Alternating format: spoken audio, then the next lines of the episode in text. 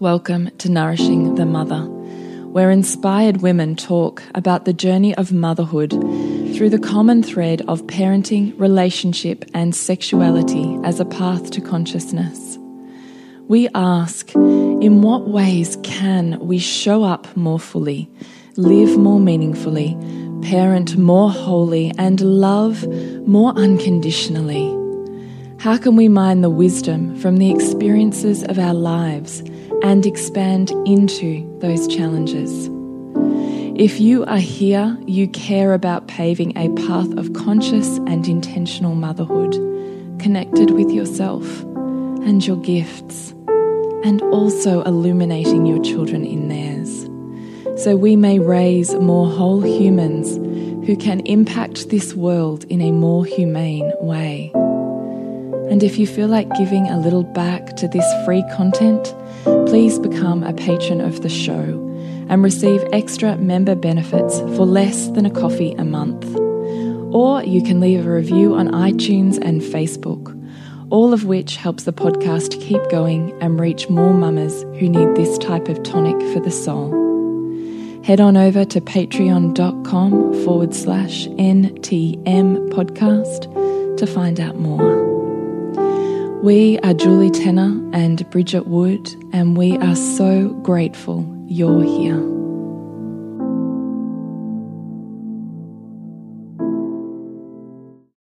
Hello, and welcome to Nourishing the Mother. I'm Bridget Wood. And I'm Julie Tenner. And today's podcast is parenting through exhaustion. So if you find yourself exhausted, just like Bridget and I, then we also hope that we spread a little bit of love and a little bit of conscious light onto something that you're going through and it becomes a little bit more easeful for you. So that's what we hope to achieve in today's podcast with you and for you. Before we jump into and that. It, it, what? Go. I was going to add a little story, but, but go with your spiel. I'm like, don't tell me my internet is gone again. Sorry. So please sign up to nourishingthemother.com.au because we're so rad. You just would love to be part of our community emails. That's what we're going with today. So scrolling down to the red banner, drop in your email address, and every so often we would love to be able to send you an email that drops a little bit more nourishing of your inner mother and outer mother into your inbox.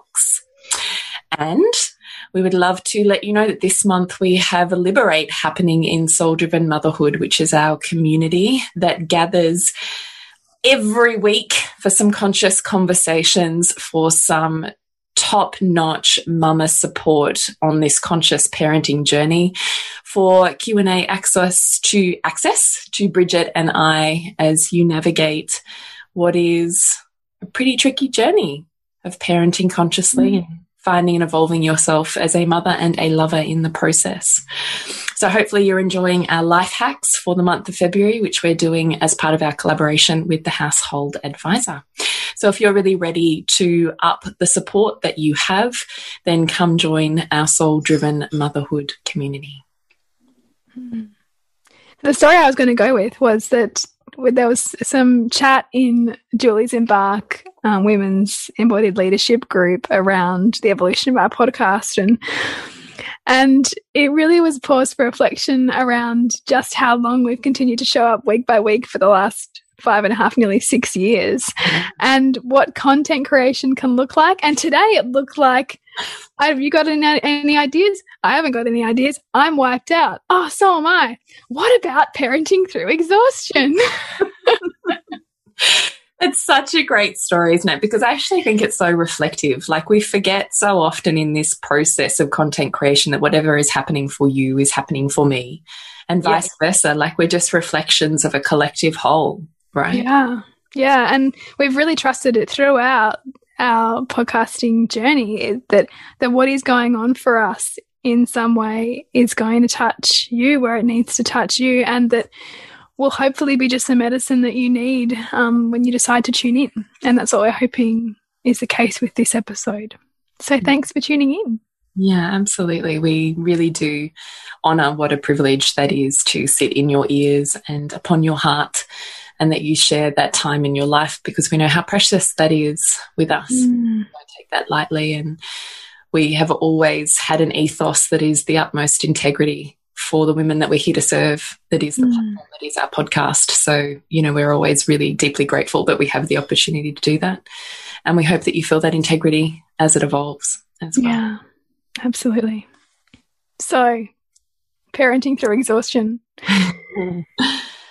it's big, right? Especially when you wake up in the morning and you're already tired and you haven't even got out of bed because mm. that might be exactly where you find yourself for days on end with little people. Yes. And it is a mind game, but also a task when you want to do it consciously of deep embodiment and permission to embody what it feels like to be in a tired body.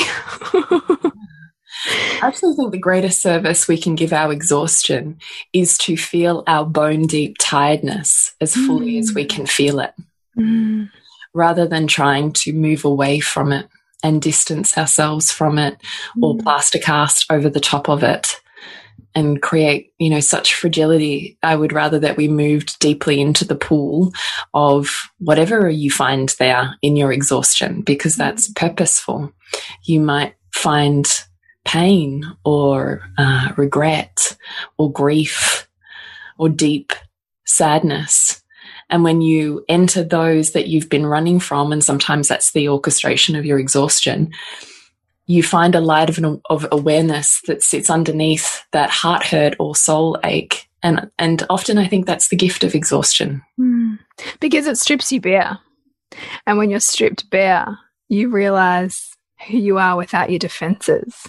Yeah. And you're called to feel deeper.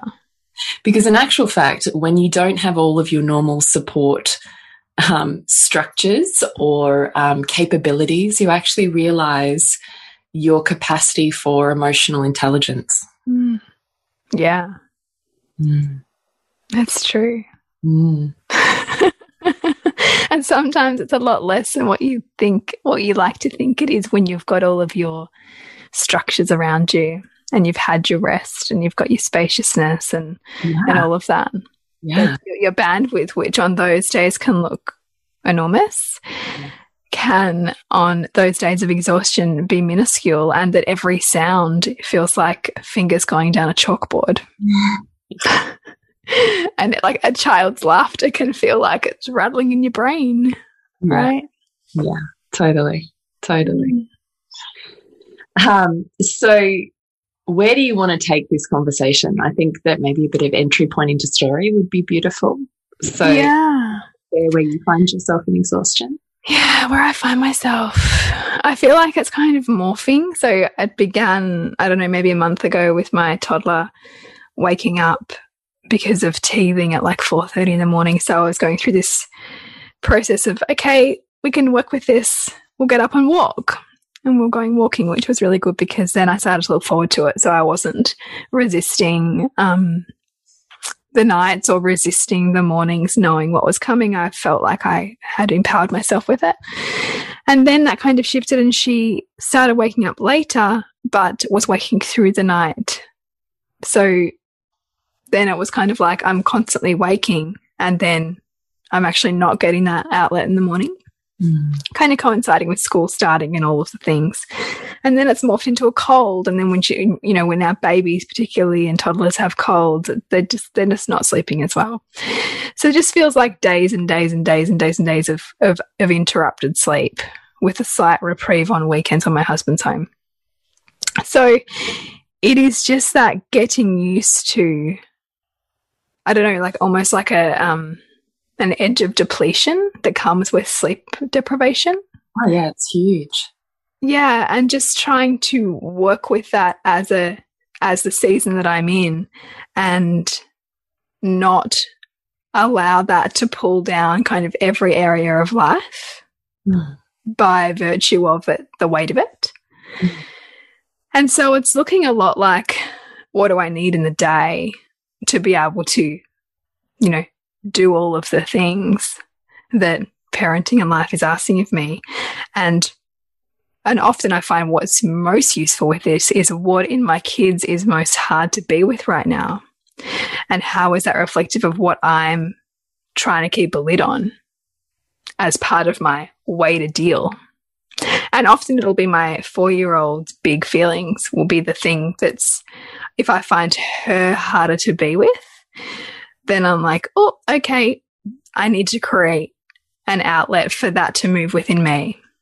Mm. So, and she's, um, if I feel like she's whingy or she's just got, um, big, big feelings constantly, then yes, of course, there's a, there's a work to hold her space, but you, you, can only hold your own child's space to the degree to which you're able to hold your own.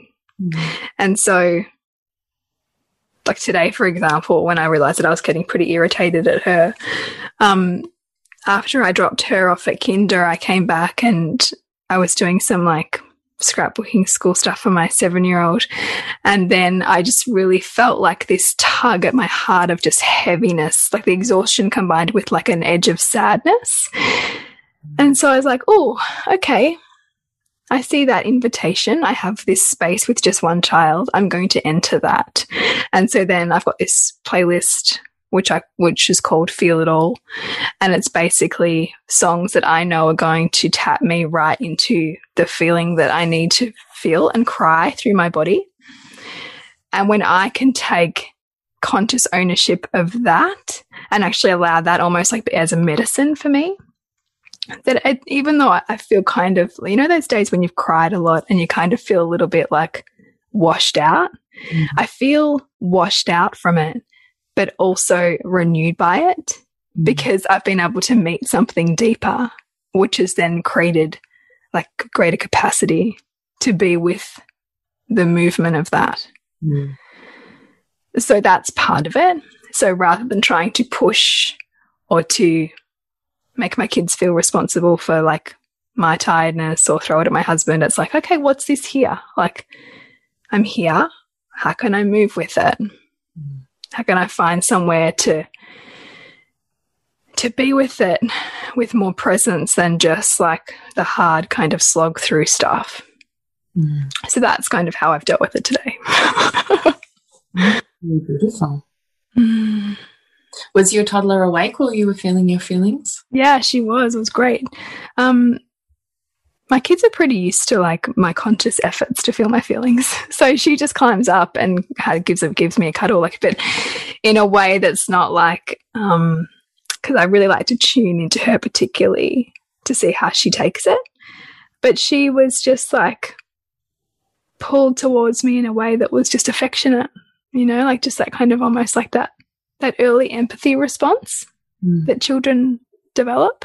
Mm. And so it was really beautiful because then I just got to feel it. And I was saying to her, I've just got some feelings I need to feel.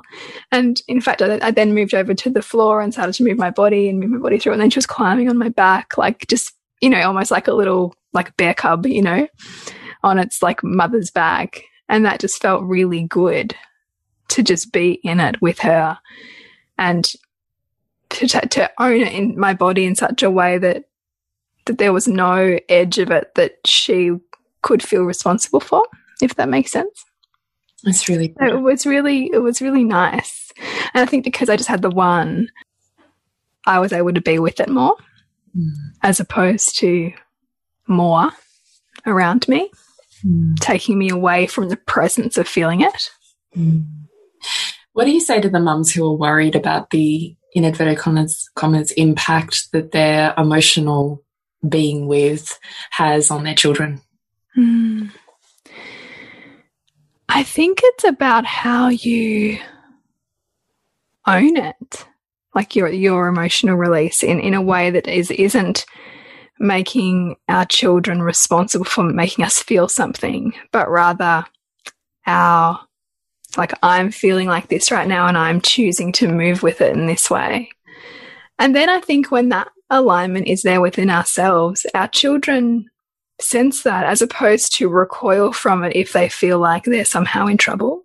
Mm. You know, the child who feels like they're in trouble is likely going to shrink away from the emotional mother. But the child who feels safe in that will be able to be with, like you're being with it, or move toward it because there's um, there's an there's safety in it.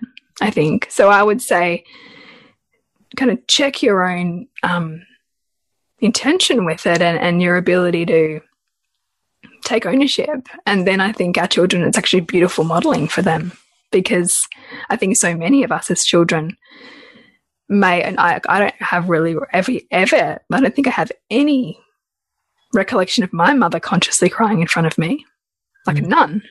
My mum was like stoic, so I didn't see much.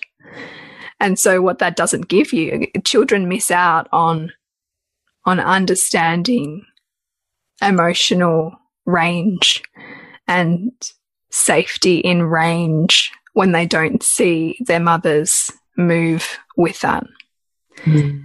And so I actually think that it's really healthy for them to see that and for them to see, just like we know intuitively that with our children, you just move with their feeling. You, you allow the, the, the feeling to have its flow and its end.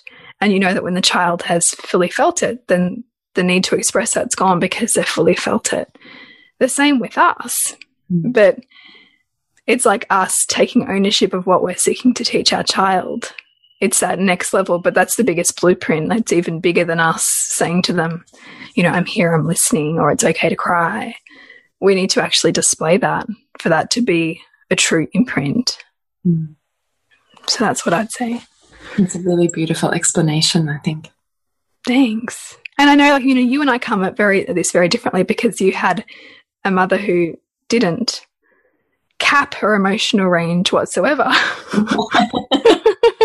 I find this so fascinating. Like it, it, intrigues me no end. I feel like you and I are like husband and wife in so many ways. Mm. And two sides of the universe in so many ways. Yeah. It's that fascinate you know end. Like every I'm like, yeah, that's amazing.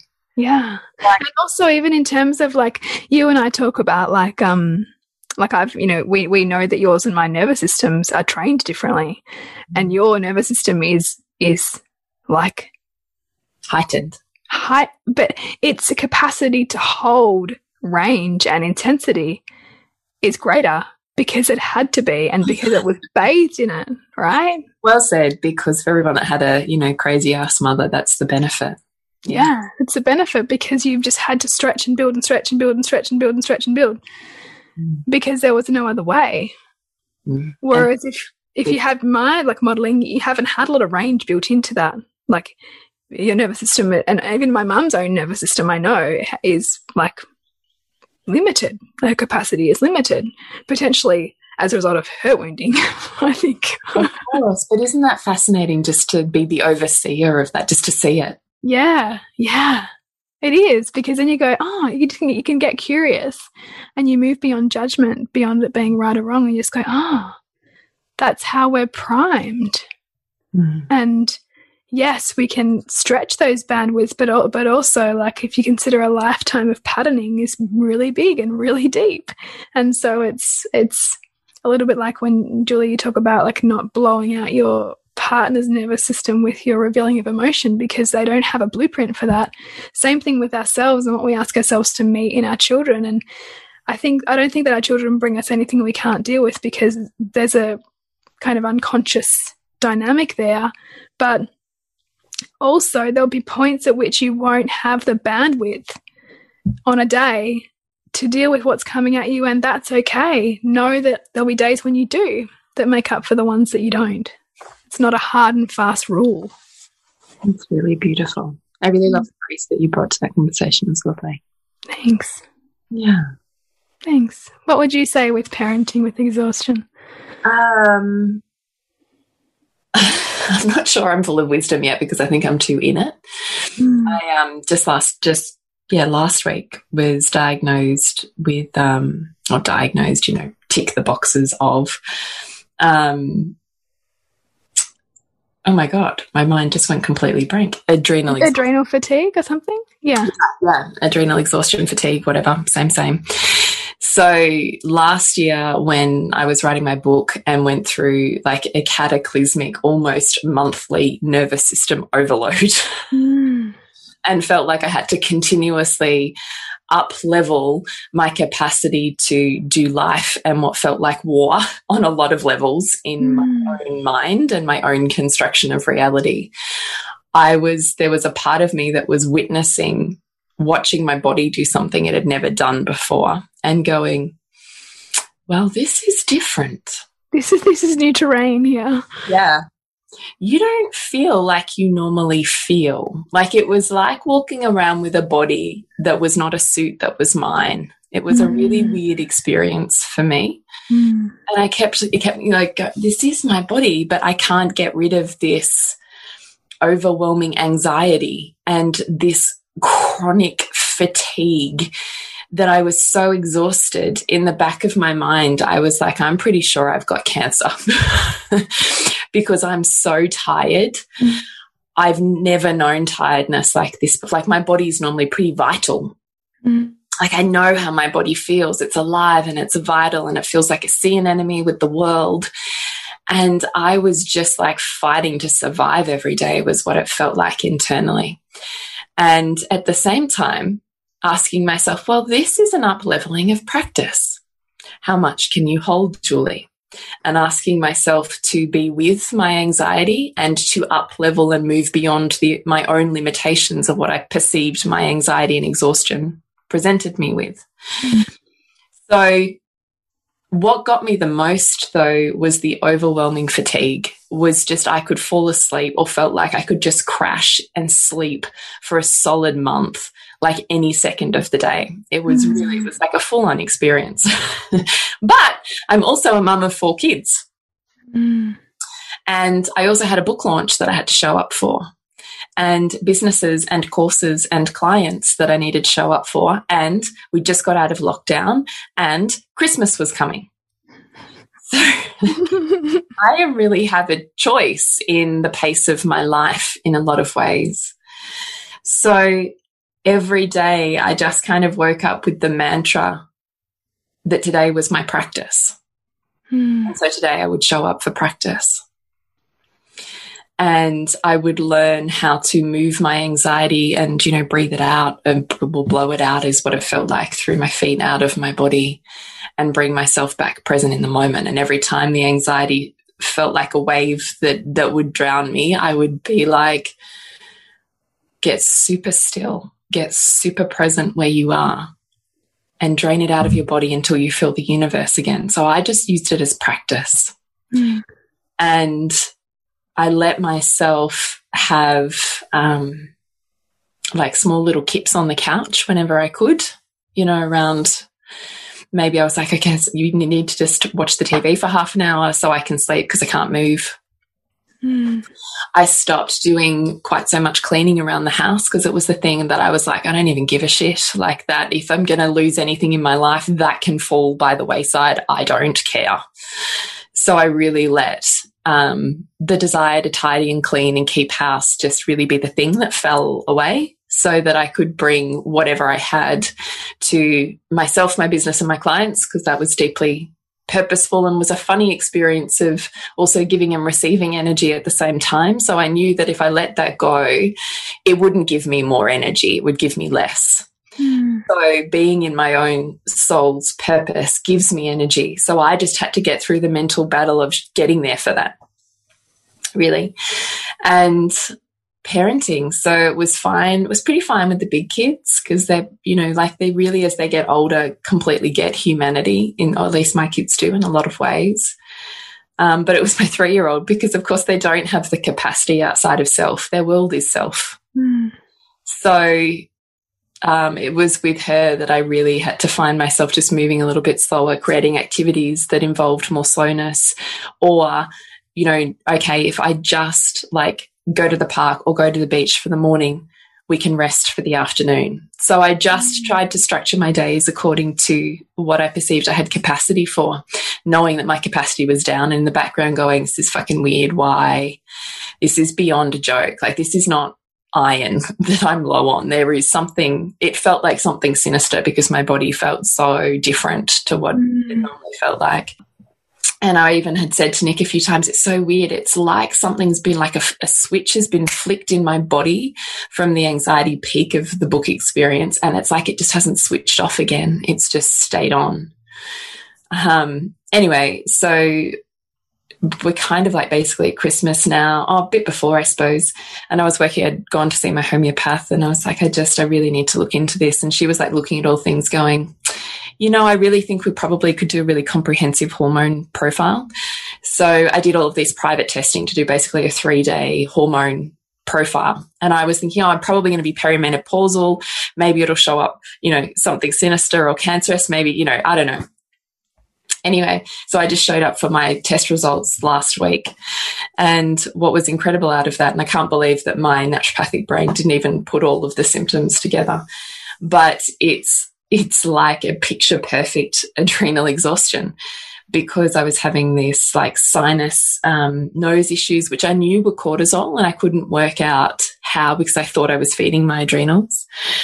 So I had this nose thing going on and incredible exhaustion and um, weight gain that was weird. Like, like I have a larger body type, but usually it still feels pretty alive, whereas this felt stagnant, which of course is insulin resistance based on your, like you're fighting a war all of the time. So your body's like, hold on to that energy because we might need those stores for war, you know?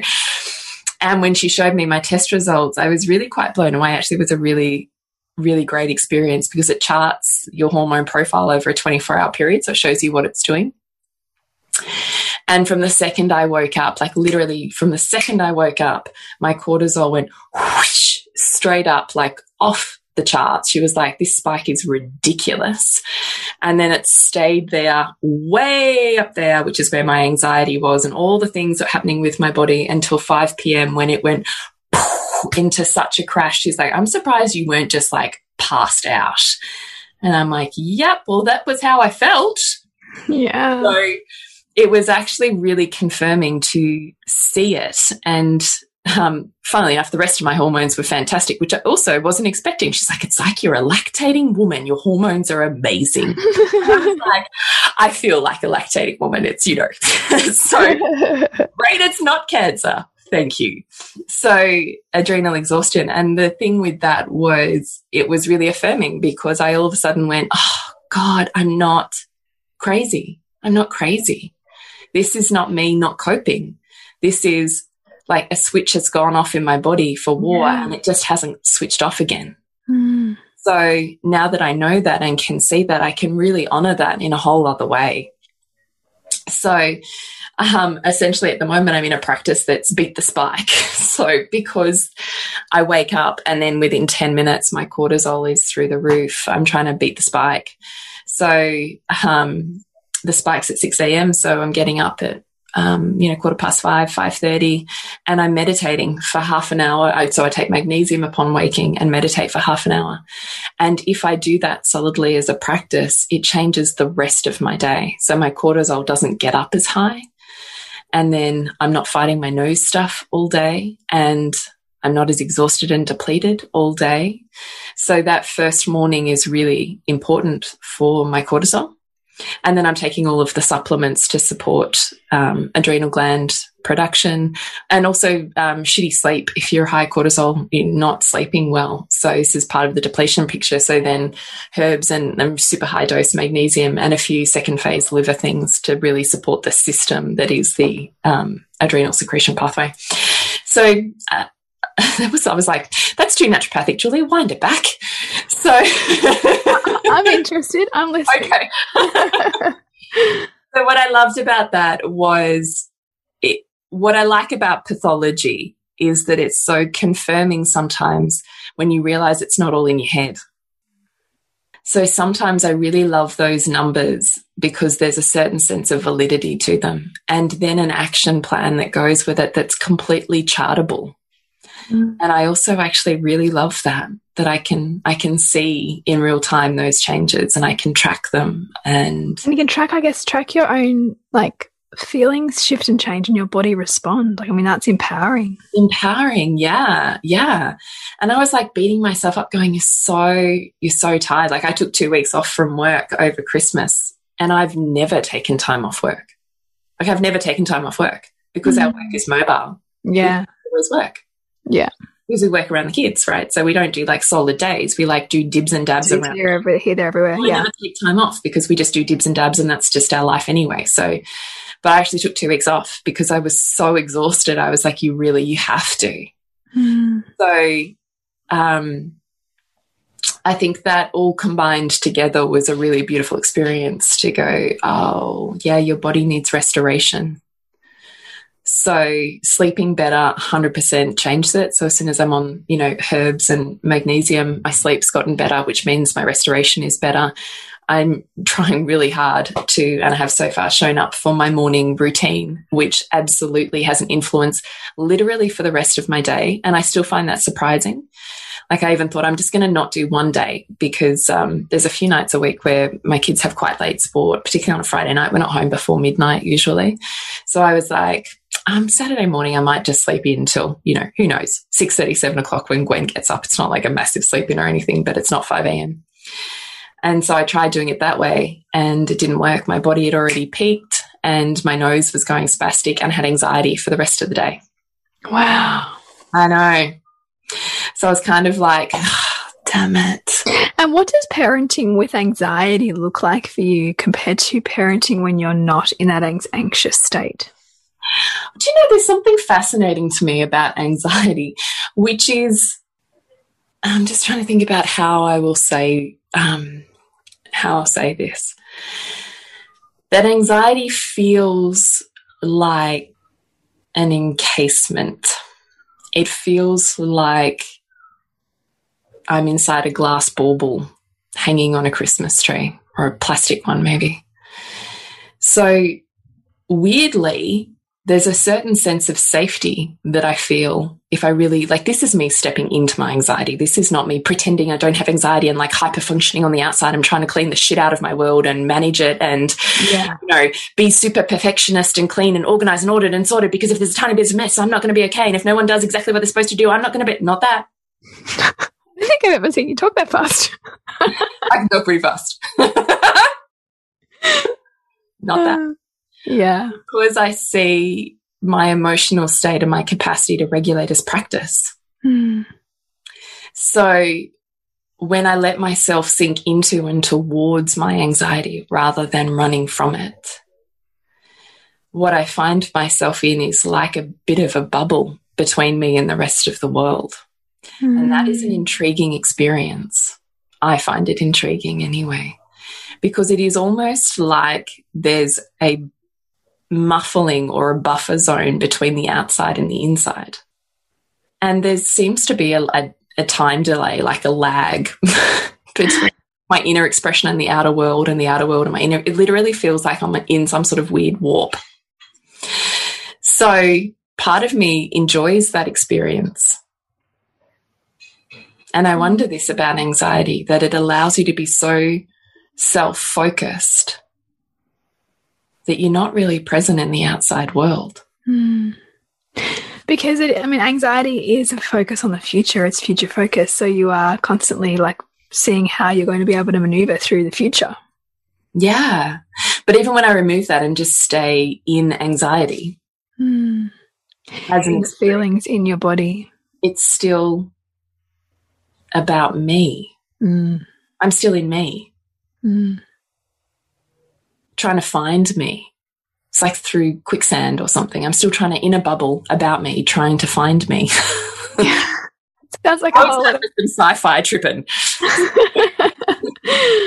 so parenting with anxiety as I experience, and I recognize that I have a plethora of tools and an emotional and mental capacity of yogic proportions of which mm. the majority of society does not have. Mm. So I also say that with that level of recognition.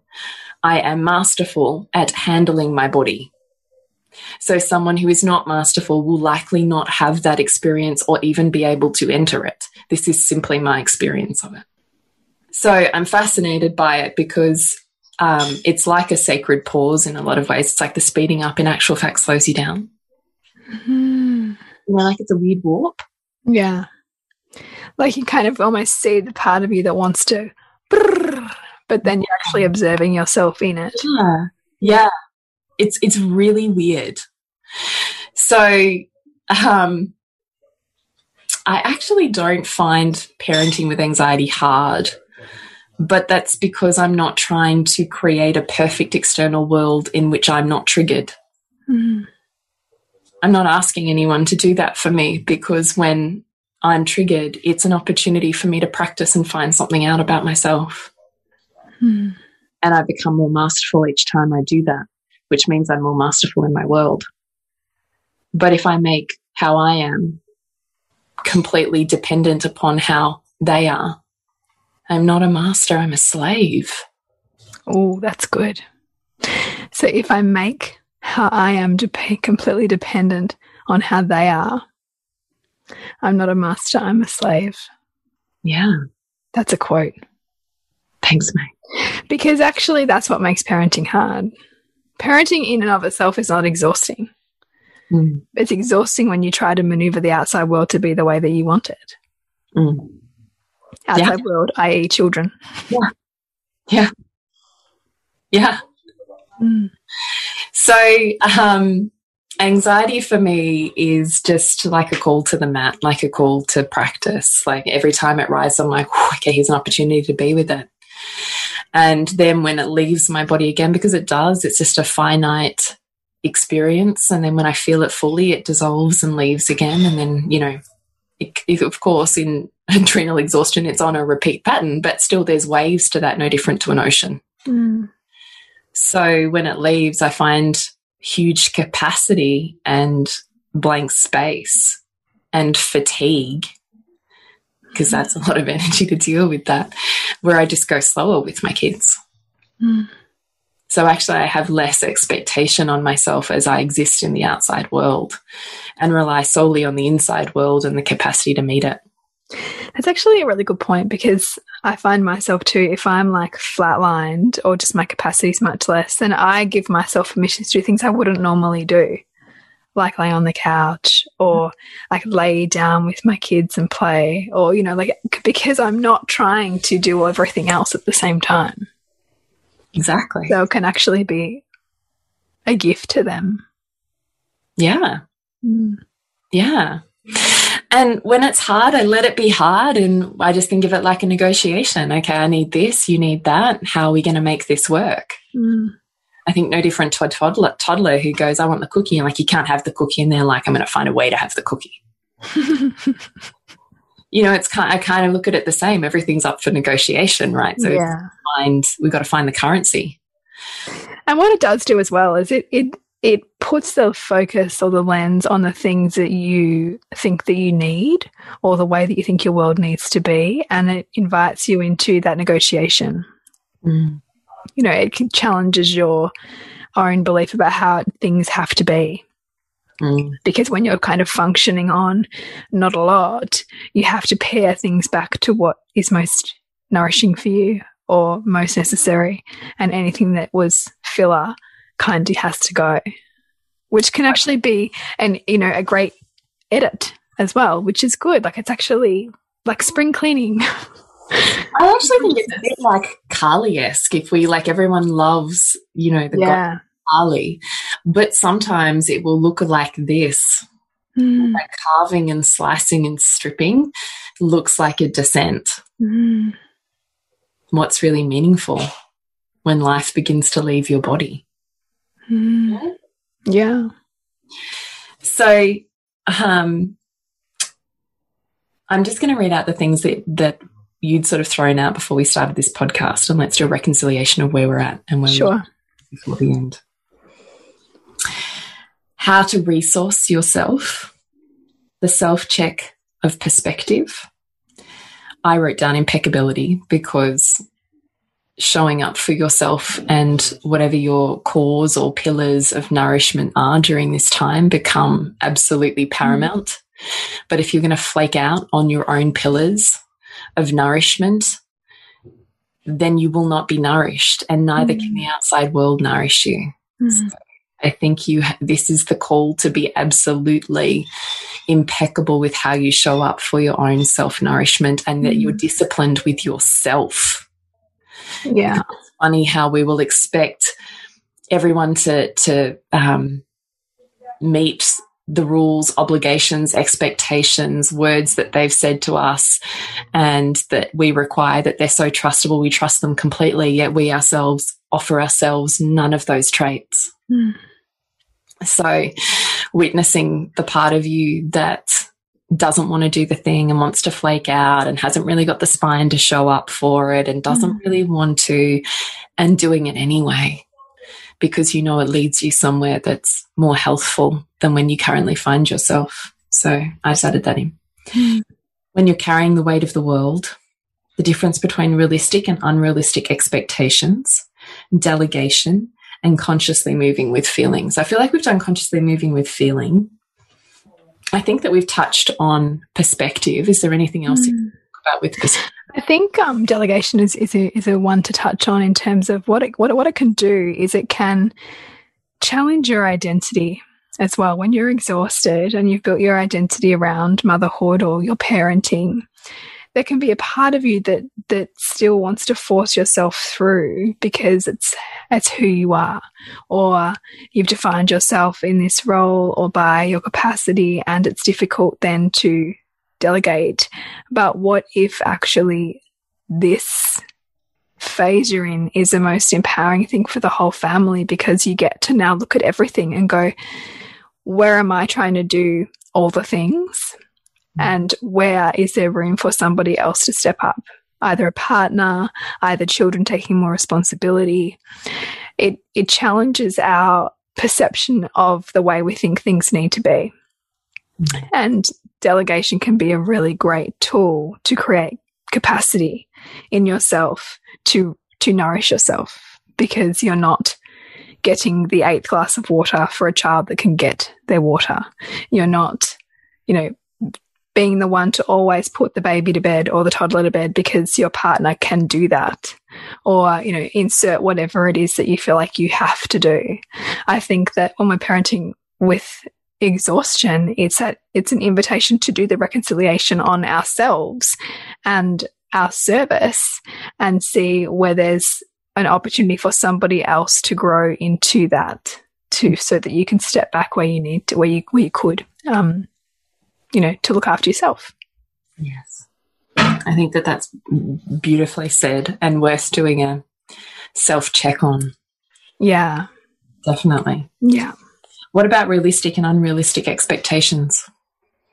I think it feeds into that a little in terms of looking at whether what you're asking of yourself is realistic based on the developmental stage of your child, perhaps, or also what you're asking of your child. And because sometimes the exhaustion in parenting comes from this completely mismatched um, agendas right? Mm-hmm. Like the parents' values and the child's values, and then not a lot of um, crossover where they're able to see um, each other.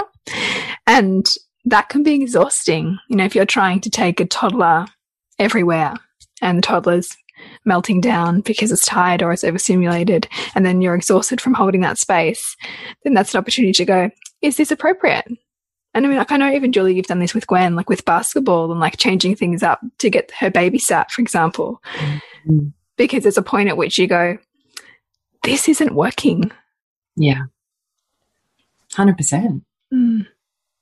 I think you've got to have, got to do a stock take of realistic and unrealistic expectations across the board when you're in a phase of exhaustion. So mm. on yourself, mm. on your household, on your relationship and on your parenting, perhaps even yeah. on your work. I think you've got to really do a really honest reconciliation of when you have this amount of energy to give out at the moment, what is most meaningful and where is it most important that it goes? Yeah. And then where actually is the rest of it not important and part of a construction of identity, which what might happen when you let that crumble? Hmm. Hmm. And how can that be a beautiful process? Yeah, as opposed to something that you want to resist. Yeah, yeah. So, how do you feel? Is there anything you want to say before we wrap up? I just really want to invite mums to just sink a little deeper into the exhaustion and also notice where you feed the story because we can also feed the story of our exhaustion and then that too can become part of our identity and it can also become a reason to not do things or a reason to not step beyond the confines of where you find yourself hmm. it can become convenient, right? Because energy can come from different sources that have nothing to do with doing nothing. So I do my work, I get energy. Yeah. I meet with a girlfriend, I get energy. Hmm. I go to the beach, I get energy. Yeah. You know, and even like us with this podcast, like there's lots of times we don't feel like doing it, but we always get energy from it. Like yeah. we'll always find something to talk about or find inspiration from it.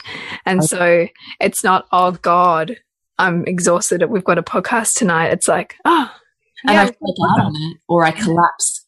Yeah. Showing up for the responsibility of what is ultimately in alignment with my soul. Mm. Don't collapse on your own soul.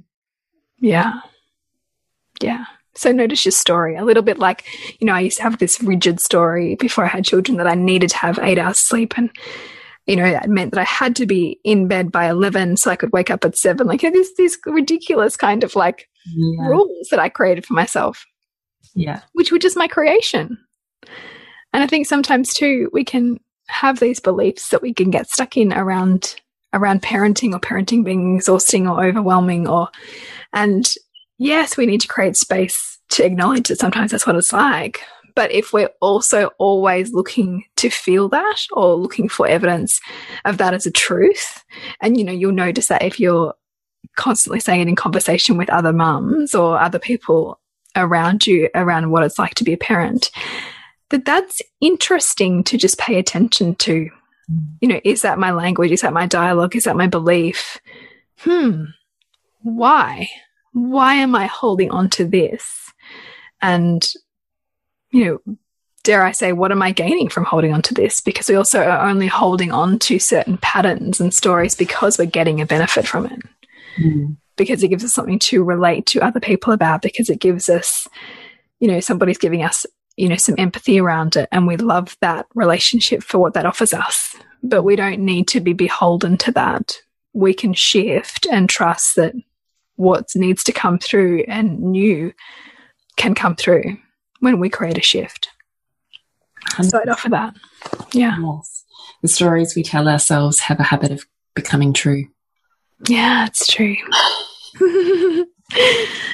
So, so, really ready to have your stories busted. We'd love to see you in Soul Driven Motherhood. It's the place and space that we both adore to hang out in because it really is the raddest community of women that you will find who also feel deeply inspired and purposeful in their motherhood. And every month we have new themes on what we delve into and investigate. And in this month, it's how do we clear the clutter of our physical home and do the thing to the space to, to pave the way for what it is that we're manifesting, stepping into and up to for this year. Mm. And we're mm. doing that in collaboration with the household advisor. So we would love to have you in that space with us and beyond. We would. So connect with you, Jules. Is julietenner.love and you, Bridget? It's suburbansandcastles.com. And connect with Nourishing the Mother. It's nourishingthemother.com.au. Remember to nourish the woman to rock the family. And we'll see you next week when we continue to peel back the layers on your mothering journey. And if you want to support Nourishing the Mother and all the late nights, the early mornings, the blood, sweat, and tears we pour into our art, then please go to patreon.com forward slash NTM podcast and become our patron. As a patron, you're helping all of the cost of operating this podcast, the hosting, the editing, the transcription, helping all of that be completely covered, and joining a community who are all about honouring our journeys and continuing to open. The more support we have, the longer we can last. So become a patron. We'd love to have you. Go to patreon.com forward slash NTM podcast. We literally couldn't do this without you. Thank you so much for listening, and please share this podcast with anyone you think it would be medicine for.